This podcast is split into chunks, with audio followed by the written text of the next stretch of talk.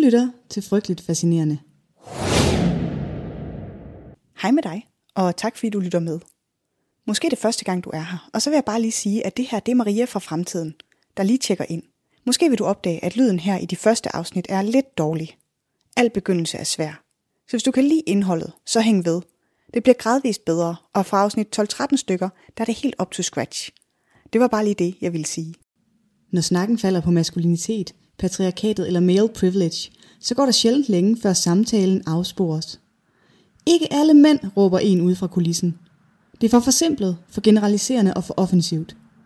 Men det ændrer ikke på, at der findes grupper af mænd, der hader kvinder. Og dem er vi nødt til at tale om, identificere og tage død alvorligt. For det handler om liv og død for de kvinder, der ender i deres klør, eller tilfældigvis krydser deres vej. Og selvom det drejer sig om en lille bitte minoritet af mænd, så drejer det sig ikke om nogen lille gruppe. Og som du kommer til at høre i det her afsnit, så drejer det sig heller ikke om nogen isoleret online-gruppe i samfundets periferi. Det handler om en meget virkelig sammenslutning med tråde til de mest magtfulde segmenter af vores samfund, som er dødeligt til stede i den virkelige offline-verden. Velkommen til det her afsnit af Frygteligt Fascinerende, hvor vi igen dykker ned i indselbevægelsen. Frygteligt Fascinerende er et podcast om alt det frygtelige, som alligevel fascinerer os. Her taler jeg om alt fra sygdom til ulykker og det, der ligger derimellem.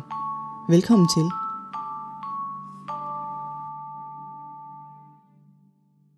Når man udtrykker bekymring for indsalfællesskabet, så render man som regel ind i et eller flere af tre klassiske argumenter for, at der ikke er noget at være bekymret for. Det første er, at incels udgør en lille bitte gruppe. Nærmest ikke værd at beskæftige sig med, så få er de. Og de består af mænd med så ekstreme holdninger, at de er fuldstændig ude af trit med det øvrige samfund. Det andet argument, som kan ses som en logisk følge af det første argument, er, at de her grupper nærmest ikke har nogen offline betydning. De eksisterer kun i internettets udørk, helt afkoblet fra det øvrige samfund. Det sidste argument, som ligger i forlængelse af de to første, er, at siden der er tale om en lille isoleret gruppe, der kun eksisterer online, så udgør det ikke nogen ægte trussel, og enten bør man ignorere dem eller have ondt af dem. De her tre argumenter er, udover at være forkerte, også i min optik farlige. Det er praktisk talt umuligt at estimere størrelsen på incel-fællesskabet med nogen som helst grad af nøjagtighed. Der er ikke nogen officielle opgørelser hverken over antallet af hjemmesider, fora, undergrupper eller over deres samlede brugere. Det jeg kan sige med virkelig stor sikkerhed er, at gruppen udgør mere end det, som argumentet nogle få ensomme stakler antyder. Kigger man bare på medlemmer, og det er alt andet lige kun toppen af isbjerget, for det er ikke nødvendigt at være medlem for at få adgang til indholdet eller for at deltage i debatten. Men kigger man alene på medlemmer, så har en af de mest populære Incel hjemmesider mere end 300.000 debattråde med mere end 3 millioner indlæg og 9.000 medlemmer. En anden side har 8.500 medlemmer, næsten 2 millioner beskeder og 87.000 debattråde. Til sammenligning havde samme side for få måneder tilbage omkring 6.000 medlemmer og 45.000 debattråde. Det er bare for at give en idé om tilvæksten til de her fællesskaber. På Reddit havde en af de mest aktive incel subreddits 40.000 abonnenter, før den blev lukket for at opfordre til vold mod kvinder, efter en bruger havde oprettet en tråd med spørgsmålet om, hvordan man bedst kommer til at voldtage en kvinde, uden at blive dømt for det. Andre incel subreddits er fortsat aktive. Den største har mere end 100.000 abonnenter. Den største incel Facebook-gruppe har 2.000 medlemmer, og mere end 700 nye opslag tilføjes hver eneste måned. Et andet stort incel-fora har mere end 10.000 unikke indlægsskrivere og mere end 730.000 indlæg. En anden side, som lader til at være en genopstået version af den nu lukkede Pure Hate hjemmeside, har 10.000 medlemmer og mere end 1 million opslag. Med de her tal en mente, og med forbehold for, at der sikkert er en del overlappende medlemskaber, så er der altså 10.000 vis af mænd i de her fællesskaber. Og det er før vi overhovedet begynder at kigge på dem, der bare kigger med, uden at oprette medlemskab. Og det her, det er kun de helt store fora. Der er et helt væld af blogs og diskussionsgrupper og hjemmesider. Det drejer sig selvfølgelig om en meget lille minoritet af mænd, men det er ikke nogen lille gruppe, og det er i hvert fald ikke et isoleret fællesskab af en håndfuld ekstreme outliers. Hvis vi vender blikket mod det andet argument, at de online intelfællesskaber ikke har nogen ægte offline betydning, og tager tilbage til 2018, hvor hjemmesiden Incelocalypse blev taget ned efter et par meget vedholdende journalistiske aktivister gjorde hostingfirmaet Dreamhost opmærksom på, hvad indholdet på hjemmesiden var. Det inkluderede opfordringer til voldtægt og grafiske beskrivelser af børnepornografi. Hjemmesidens tagline på forsidebanneret var Let's make the jailbaits our rape slaves. Talen ind i en populær fetichering af jomfruer og teenager i incel-fællesskaber, hvor jailbaits bliver brugt som en samlebetegnelse. En del brugere på siden, inklusive administratoren med pseudonymet Leukocyte, definerer sig selv som rape cells. Leukocyte står som afsender på tråde med titler som Selv hvis du kan knippe villige kvinder, bør du stadig have lyst til at voldtage, og Far-datter-incest giver mere mening end nogensinde, og også syreangreb af den store lighedsskaber, hvor indholdet handler om, at kvinder bør lære, hvordan det er at være tynget af deres udseende. Incalocalypse hostede også et privat område for pædofile. Medlem af den her side, og særligt de mere aktive og vedholdende af dem som Leukocyte, bliver ofte set på som vanvittige, isolerede tabere, der ikke har nogen reel interaktion med samfundet og derfor ikke nogen indflydelse. Bortset fra, at Leukocyte senere blev afsløret som Nathan Larson, en 37-årig revisor og kandidat til den amerikanske kongres fra Virginia. Over for HuffPost bekræftede Larsen sit ejerskab af Incalocalypse hjemmesiden, og hans forfatterskab af artikler, der opfordrer til far-datter-incest. Helt uden skam og uden det mindste forsøg på at distancere sig fra det, udtaler han. Mange mennesker er trætte af politisk korrekthed og være begrænset af det. Folk vil gerne høre fra en outsider, der ikke har en masse på spil, og som kan sige det, alle andre tænker. Med andre ord så er det altså hans egen overbevisning, at hans vanvittige online-tekster kan bidrage til at tiltrække stemmer. Ved siden af ros af Adolf Hitler, så bygger en stor del af Larsons kampagnemateriale på incel-logikker med en mærkesag om at tilbagekalde lovgivningen om vold mod kvinder, med henvisning til, at samfundet bør bevæge sig i retning af at opfatte kvinder som ejendom, først hendes fars ejendom og senere hendes mands. I et fællesskab af 10.000 vis af mænd er der selvfølgelig en andel af arbejdsløse, eller frivilligt eller ufrivilligt isolerede. Dem, der i medierne portrætteres som de typiske repræsentanter, udstødte eneboere. Men der er også dem med jobs og indflydelse i vores samfund, eller som Larsen som kandidater til vores demokratiske repræsentation. På hjemmesiden 4chan, som er en helt simpel hjemmeside med et hav af forskellige tråde, ligger en lang række sider og undertråde med incel-indhold. Hvert år besøger mere end 170.000 danske IP-adresser 4chan, og det er virkelig ikke for børn de ting, der foregår derinde. Sidste år afslørede DR Dokumentar i deres podcast Mænd, der ødelægger kvinder, hvordan 4 og andre incelfællesskaber på nettet blev et fora for deling af hurtcore, en særlig voldsom og ydmygende type af hævnporno, hvor offrene presses til at gøre ting ved sig selv – som jeg simpelthen ikke kan få mig selv til at genfortælle, og så optage det på video til glæde for afpresseren og alle de andre medlemmer af de her kvindehadende fællesskaber.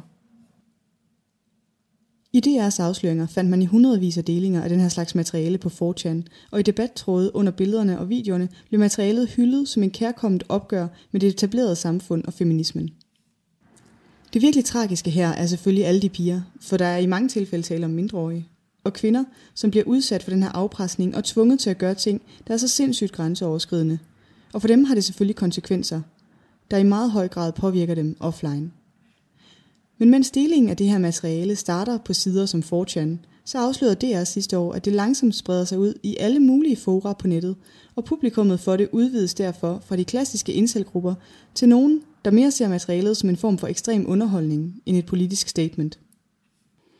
I den tid, hvor DR's journalister overvåger 4chan, bliver hurtcore-materialet delt igen og igen. Men hvad mere overraskende er, er, at det langsomt finder vej ud i flere af verdens største pornohjemmesider og til sidst også på verdens mest besøgte hjemmeside, nemlig Google. Grunden til, at billedmaterialerne dukker op i Googles søgeresultater, er fordi, at Google, når de finder resultater frem til dig, bruger en teknologi, der hedder crawling.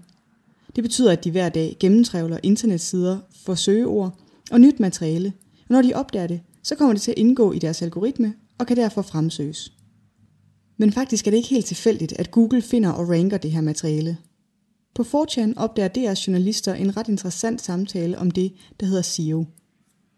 SEO står for Search Engine Optimization, og det, de diskuterer er, hvordan de kan manipulere med søgeresultaterne og få materialet så bredt ud som muligt. Med debatindlæg om de forskellige metoder til at få bestemte pigers navne koblet til materialet, så det kommer så højt op i Googles søgeresultater, til opfordringer til at dele materialet på sider med god SEO som Instagram og Pinterest.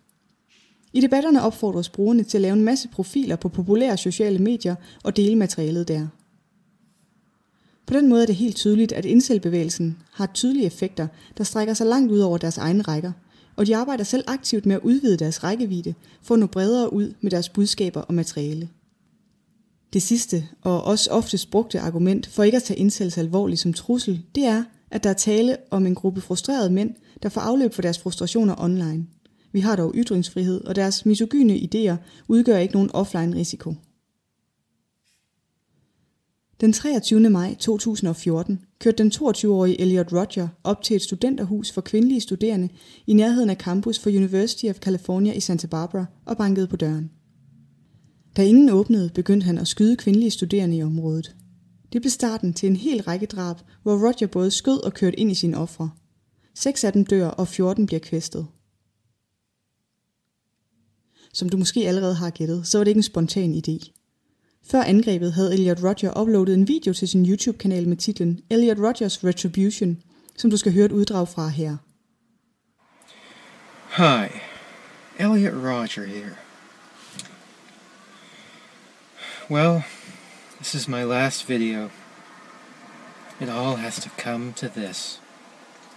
Tomorrow is the day of retribution. The day in which I will have my revenge against humanity, against all of you. For the last eight years of my life, ever since I've hit puberty, I've been forced to endure an existence of loneliness, rejection, and unfulfilled desires, all because girls have never been attracted to me. Girls gave their affection and sex and love to other men, but never to me. I'm 22 years old, and I'm still a virgin. I've never even kissed a girl. I've been through college for two and a half years. More than that, actually. And I'm still a virgin. It has been very torturous. College is the time when Everyone experiences those things such as sex and fun and, and pleasure. But in those years, I've had to rot in loneliness. Med børnefornærmet ansigtsudtryk og hovedrysten sidder Elliot Roger i sin bil i solnedgangen og taler om sine frustrationer. Han er helt tydeligt virkelig frustreret og føler sig snydt for noget, han har krav på. It's not fair. You girls have never been attracted to me. I don't know why you girls aren't attracted to me, but I will punish you all for it. It's an injustice, a crime, because I don't know what you don't see in me. I'm the perfect guy. And yet you throw yourselves at all these obnoxious men instead of me, the supreme gentleman. I will punish all of you for it. Hans opfattelse er at være en rigtig god fyr, der fortjener kvindelig opmærksomhed, går igen igennem videoen. Og den taler ind i meget af det, incel-ideologien bygger på. At kvinder på forhånd har udvalgt en meget lille gruppe mænd, som de giver alt deres sex til, og resten er uretfærdigt dømt til et liv i celibat.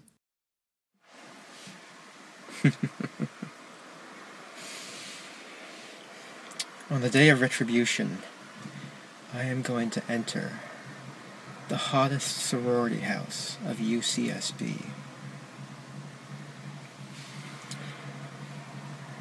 And I will slaughter every single spoiled, stuck up, blonde slut I see inside there.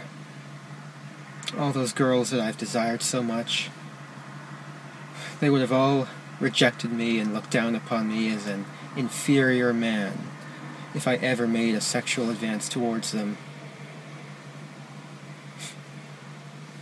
While they throw themselves at these obnoxious brutes. I'll take great pleasure in slaughtering all of you. You will finally see that I am, in truth, the superior one, the true alpha male.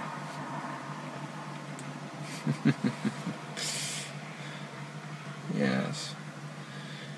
After I've annihilated every single girl in the sorority house, I'll take to the streets of Isla Vista and slay every single person I see there.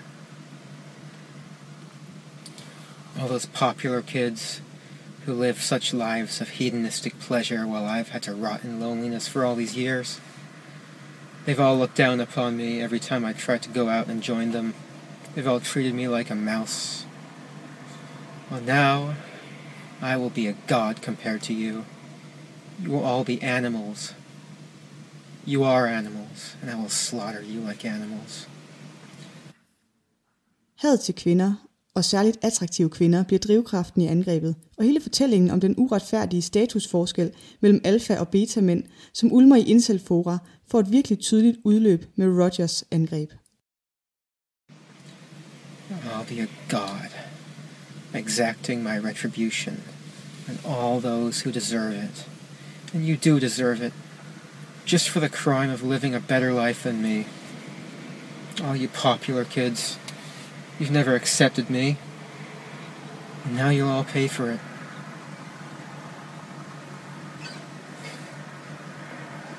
And girls, all I've ever wanted was to love you and to be loved by you.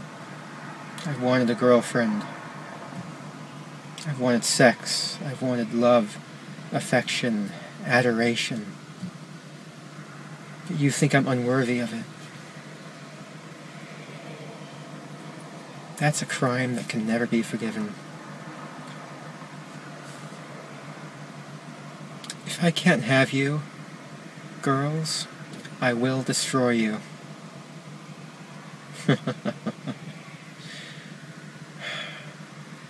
you denied me a happy life. And in turn, I will deny all of you life.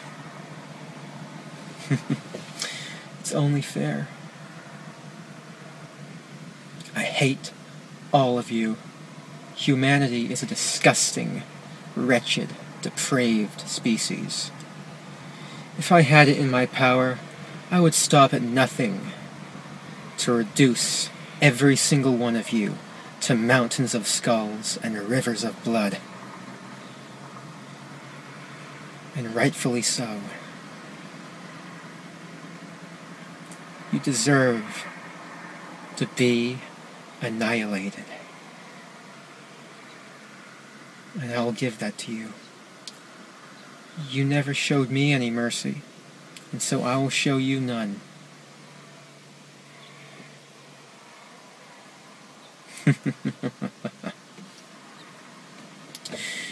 you forced me to suffer all my life, and now I'll make you all suffer.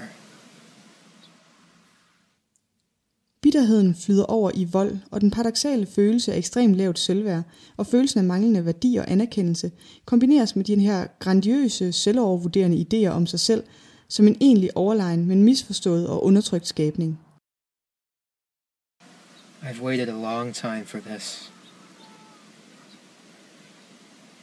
I'll give you exactly what you deserve, all of you, all you girls who rejected me and looked down upon me and, you know, treated me like scum while you gave yourselves to other men.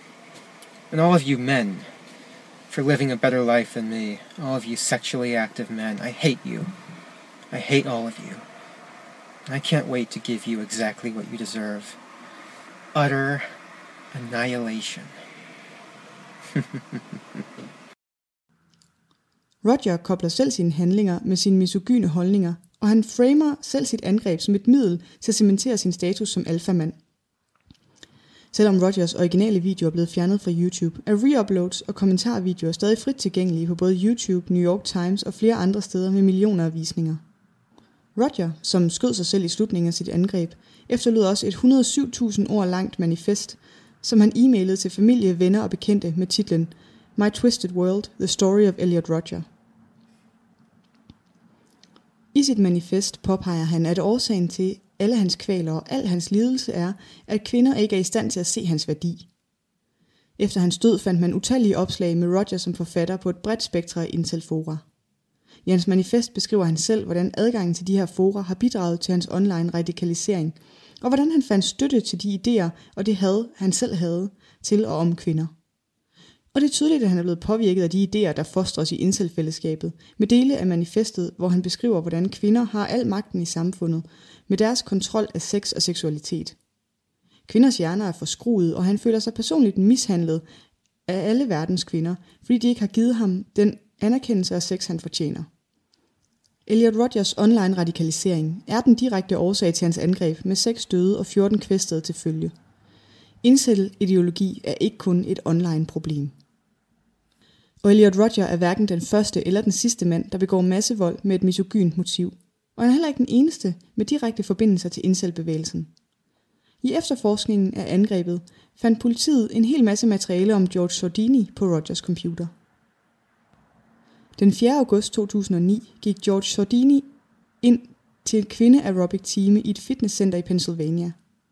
Her slukker han alt lyset, før han med to pistoler begynder at skyde omkring sig. Tre kvinder dør, og ni andre bliver såret. Efter angrebet fandt man ud af, at Sordini havde været medlem af Scorecoach-fællesskabet.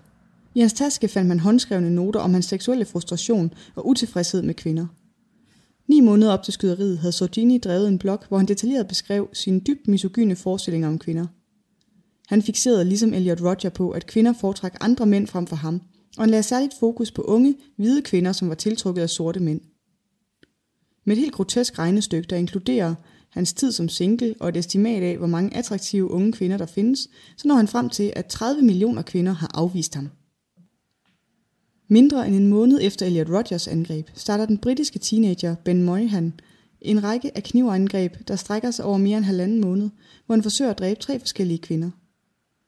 Efter han bliver dømt skyldig, blev offentligheden opmærksom på en dagbog, som Ben havde skrevet forud for angrebet med tekster som Jeg planlægger primært at dræbe kvinder, som en hævn for det liv, de har givet mig. Jeg er stadig jomfru.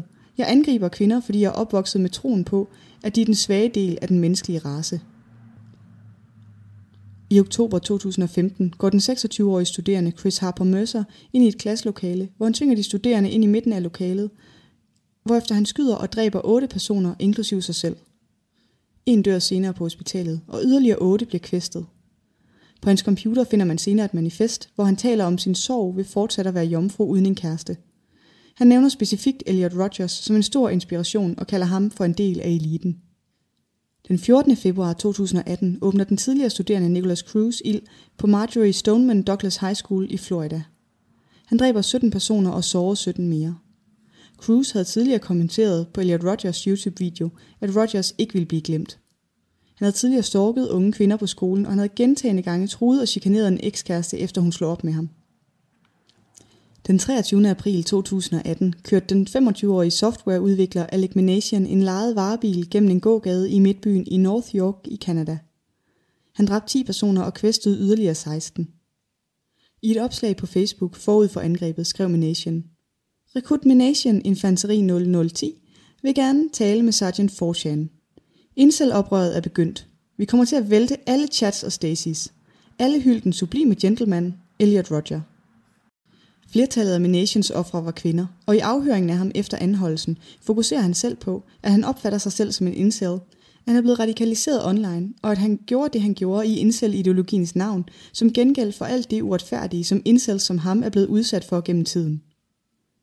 Her kommer et klip fra afhøringen, hvor efterforskeren spørger ind til Alex incel-baggrund. All right. Um, I, I've done a little bit of um, reading, and I know a little bit about um, involuntary uh, Celibacy. ce- ce- celibacy, right? So being celibate, involuntarily Yes. celibate. What does that mean? That means an celibacy means uh, uh, someone who never perform has a sexual intercourse. Right. Uh, involuntary celibacy means this wasn't your choice. I You see. essentially are uh, have been thrown into true forced loneliness, and you're unable to lose your virginity. Right. This is especially uh, painful for uh, young males. Det særlige ved afhøringen af Minasian er, at han beskriver, hvordan han er blevet radikaliseret online, og hans rejse gennem de forskellige inselfællesskaber på nettet. Og så beskriver han, hvordan starten på det hele for ham blev den dag Elliot Roger udførte sit angreb og udgav sit manifest. When did you first? Sorry, you mentioned this, and I forgot. When did you first go on to 4chan? 2014. 2014, and specifically when in 2014? May 23, uh, 2014. Uh, and how were you able to remember that? Because I remember that was a uh, very significant day. Okay. What, what day was what was that?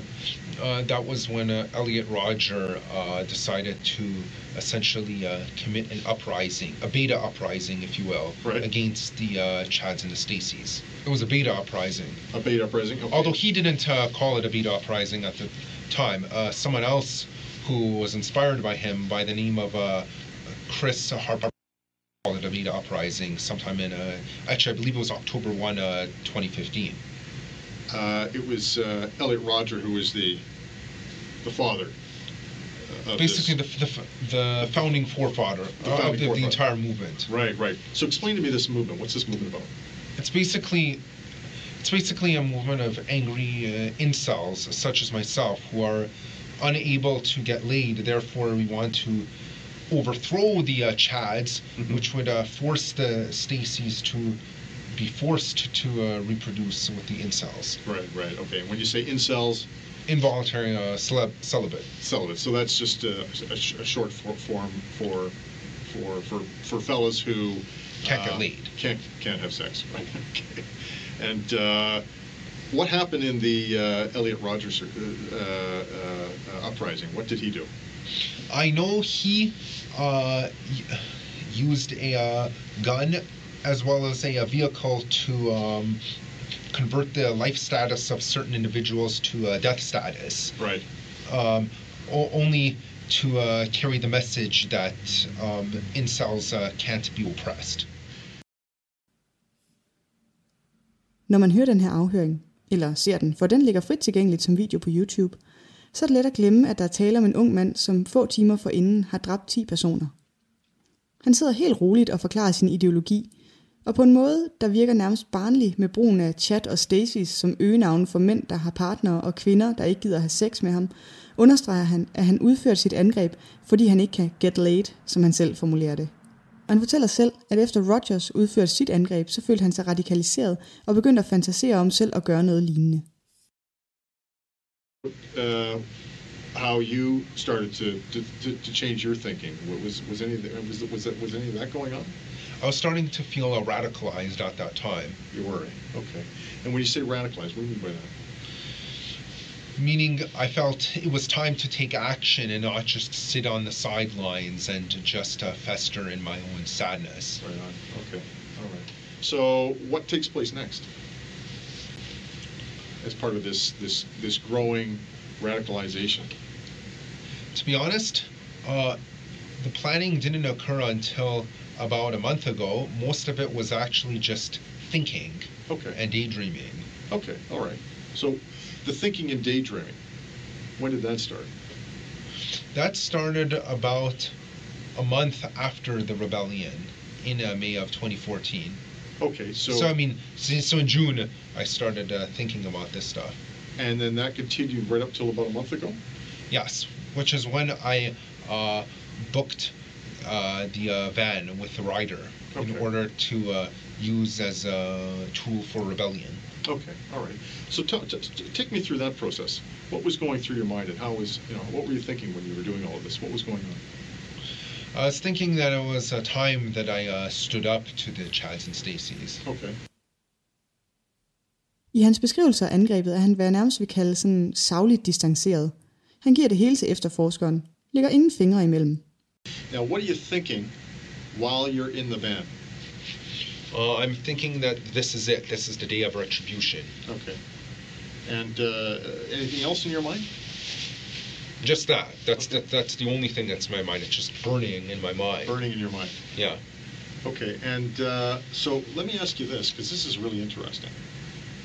Why do you choose Young and Finch?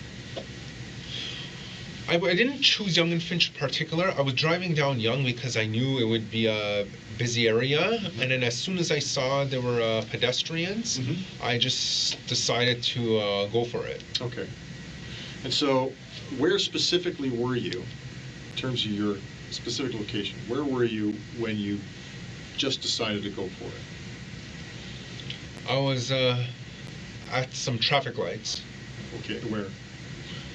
Um, actually, I don't remember. The only reason, in fact, uh, if if I hadn't, uh, I remember some other. Uh, I, I had heard some other officers mention Young and Finch before. That's the only reason I really remember it. Okay. But otherwise, I actually wouldn't have remembered would that it's remember, yeah. Young and Finch. I just knew that I started seeing a lot of people walking. Okay. Uh, am I am I to stand? Am I correct when I when I say that you knew at least you were on Young Street Yes. and you knew that you were? Because I specifically chose it beforehand. Because that's that's why. Because I even looked for that ramp from Highway Seven to Young. Right. Okay. Okay. So, nevertheless, you're at a you're at a you're at a stoplight. You said Yes. you're at, and now are you faced with a red light? You're stopped. Uh, yes. But as soon as it turned green, I uh, started going. Okay. And uh, just walk me through this. Okay, step by step. So it turns green, and what are you thinking? I'm thinking that uh, this is it. I see all these people. It's uh, time to uh, go for it. Time to go for it. And what do you do? I uh, floor the pedal. Yep. I speed the van towards them, and I uh, allow the van to uh, collide with them. Okay. And then what happens?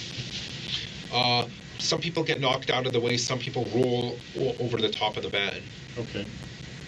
And then what what happens? I uh, continue doing that until, um, I, in fact, actually, to be honest, the only reason I stopped my attack was because someone's drink got splashed on my uh, windshield, and I was worried that I would uh, crash the van anyway. So I decided, okay, now I, I wanted to do more, but I've kind of been foiled by a lack of visibility. So then that's when I uh, pulled, I turned right, and I pulled, and I saw the cops approaching, so I decided to pull over and get out of my van. Okay. Efter angrebet stopper Alex selv varevognen og stiger ud. Han beskriver det selv sådan her. And you end it because you can't see, Yes. and you knew the cops were coming. Yes. Okay. And so then what happens at that point? Uh, I I see a patrol car pull over, and I hear the cops screaming at me to get out. So I get out, and I uh, point my wallet at the cop, in it with the intent for it to be confused with a gun, so that I could be fatally shot. Okay. And was that something you were thinking about? Yes. I know. I mean, I'm, I, what I'm saying Even is, even beforehand, I uh, premeditated as an attempted uh, suicide by cop. you wanted to you wanted to be killed by the police. Yes. Okay. Um, Uh, I actually told him that I had a gun in my pocket, which was untrue. right. Uh, then I, I twice I stuck my left hand in my uh, pocket and attempted to do this just to uh, provoke a uh, reaction. Okay. Uh, that uh, he unfortunately he didn't react, right. so then I ended up being ordered to the ground. So I knew at that point he's not going to shoot me. So I've lost. So I just I had no choice but to just get on the ground. Da efterforskeren spørger, hvordan Menasian har det med, at han har dræbt 10 personer, svarer han. I feel like uh, I accomplished my mission.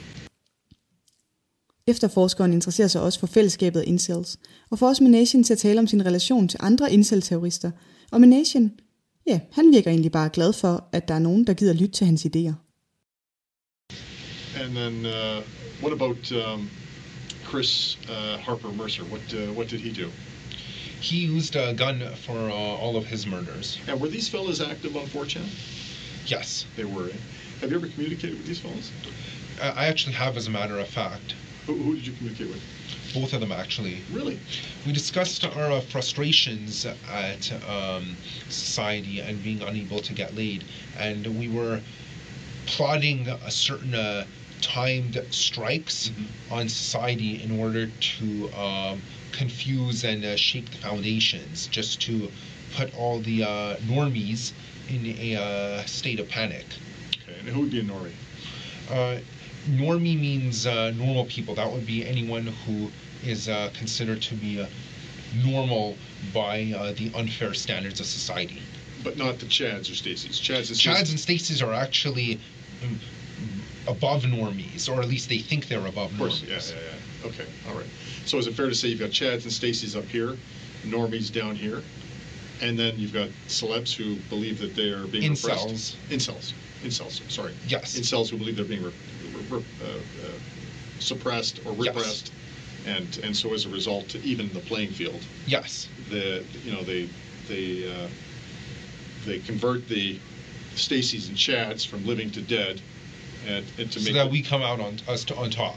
yeah more than so is there are, are, are- so the the targets who would the targets for the this uprising be All of the uh, alpha males. all the alpha males so the Chads Yes. so that's those are the people you that that, that you want to kill Yes. okay all right and who else Any uh, any of the Stacys who uh, do not wish to uh, give their love and affection to the incels. so they they you, they're a target as well Yes. to be killed Yes. okay and what about the normies no, uh, yeah norm, normies Yes, we uh, do. We do. We don't necessarily wish to uh, kill the normies, but we do wish to uh, subjugate them uh, in order to make them understand that the um, that our type is uh, the more superior one. Right right so when you say subjugate what do you mean by that Mean meaning uh, either imprison them or put them in a lower position in society, okay all so right. that they acknowledge um, the incels or the uh, Pepe the Frog types as the more superior ones. Når jeg hører Alec tale om sin aktivitet på 4chan og andre incel-sider, så er jeg nødt til at indrømme, at det løber mig koldt ned ad ryggen. Den måde, de spiller op til hinanden, og sammen taler sig frem til et forskruet verdensbillede, hvor de opfatter sig selv som en slags frihedskæmpere, der skal omvælte den eksisterende orden. Det leder mine tanker hen på netop de online- og offline miljøer af sådan islamiske ekstremister, som jeg ved, der er kæmpestort fokus på at opspore. Og det får mig til at tænke på, om der må er nogen, der tager den her trussel så alvorligt, som det er min helt klare indtryk, at vi bør. En af de største barriere for at tage truslen fra indsættelse alvorligt, er den stadig insisteren på, at den online og den offline verden er to adskilte verdener. Det er længe siden, vi blev opmærksomme på online fora og sociale medier som rugekasse for islamisk terrorisme, og det er på tide, vi får øjnene op for den virkelige trussel, som de her fællesskaber udgør. Med alle de timer, jeg har brugt på at grave ned i insellandskabet, er det gået op for mig, i hvor stort et omfang det online fællesskab griber ind i vores offline verden. Der sker en spejling af de idéer, der sprøjtes ud af indselfora og ind på skærmene hos de mænd, der er en del af dem dag efter dag efter dag. I de historier, man hører fra kvinder om chikane og overfald og overgreb i den virkelige verden. Hvis de spørgsmål, vi stiller til den her incelkultur, kun handler om sandsynligheden for, at et hvert givet medlem kommer til at begå en form for massevold eller massedrab, så skyder vi forbi skiven. Men det største problem, som jeg ser det, er, at vi i øjeblikket slet ikke stiller nogen spørgsmål overhovedet.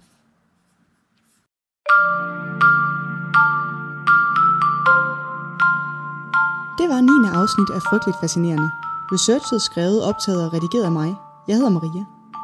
Næste afsnit kommer allerede i næste uge, og du kan høre det i iTunes, Spotify eller der, hvor du normalt lytter til podcast. Du kan følge Frygteligt Fascinerende på Instagram, og gør det endelig, hvis du ikke allerede har gjort det. Hvis du kunne lide det, du hørte, så giv endelig podcasten en anmeldelse. Det hjælper andre med at blive frygteligt fascineret. Tak for nu.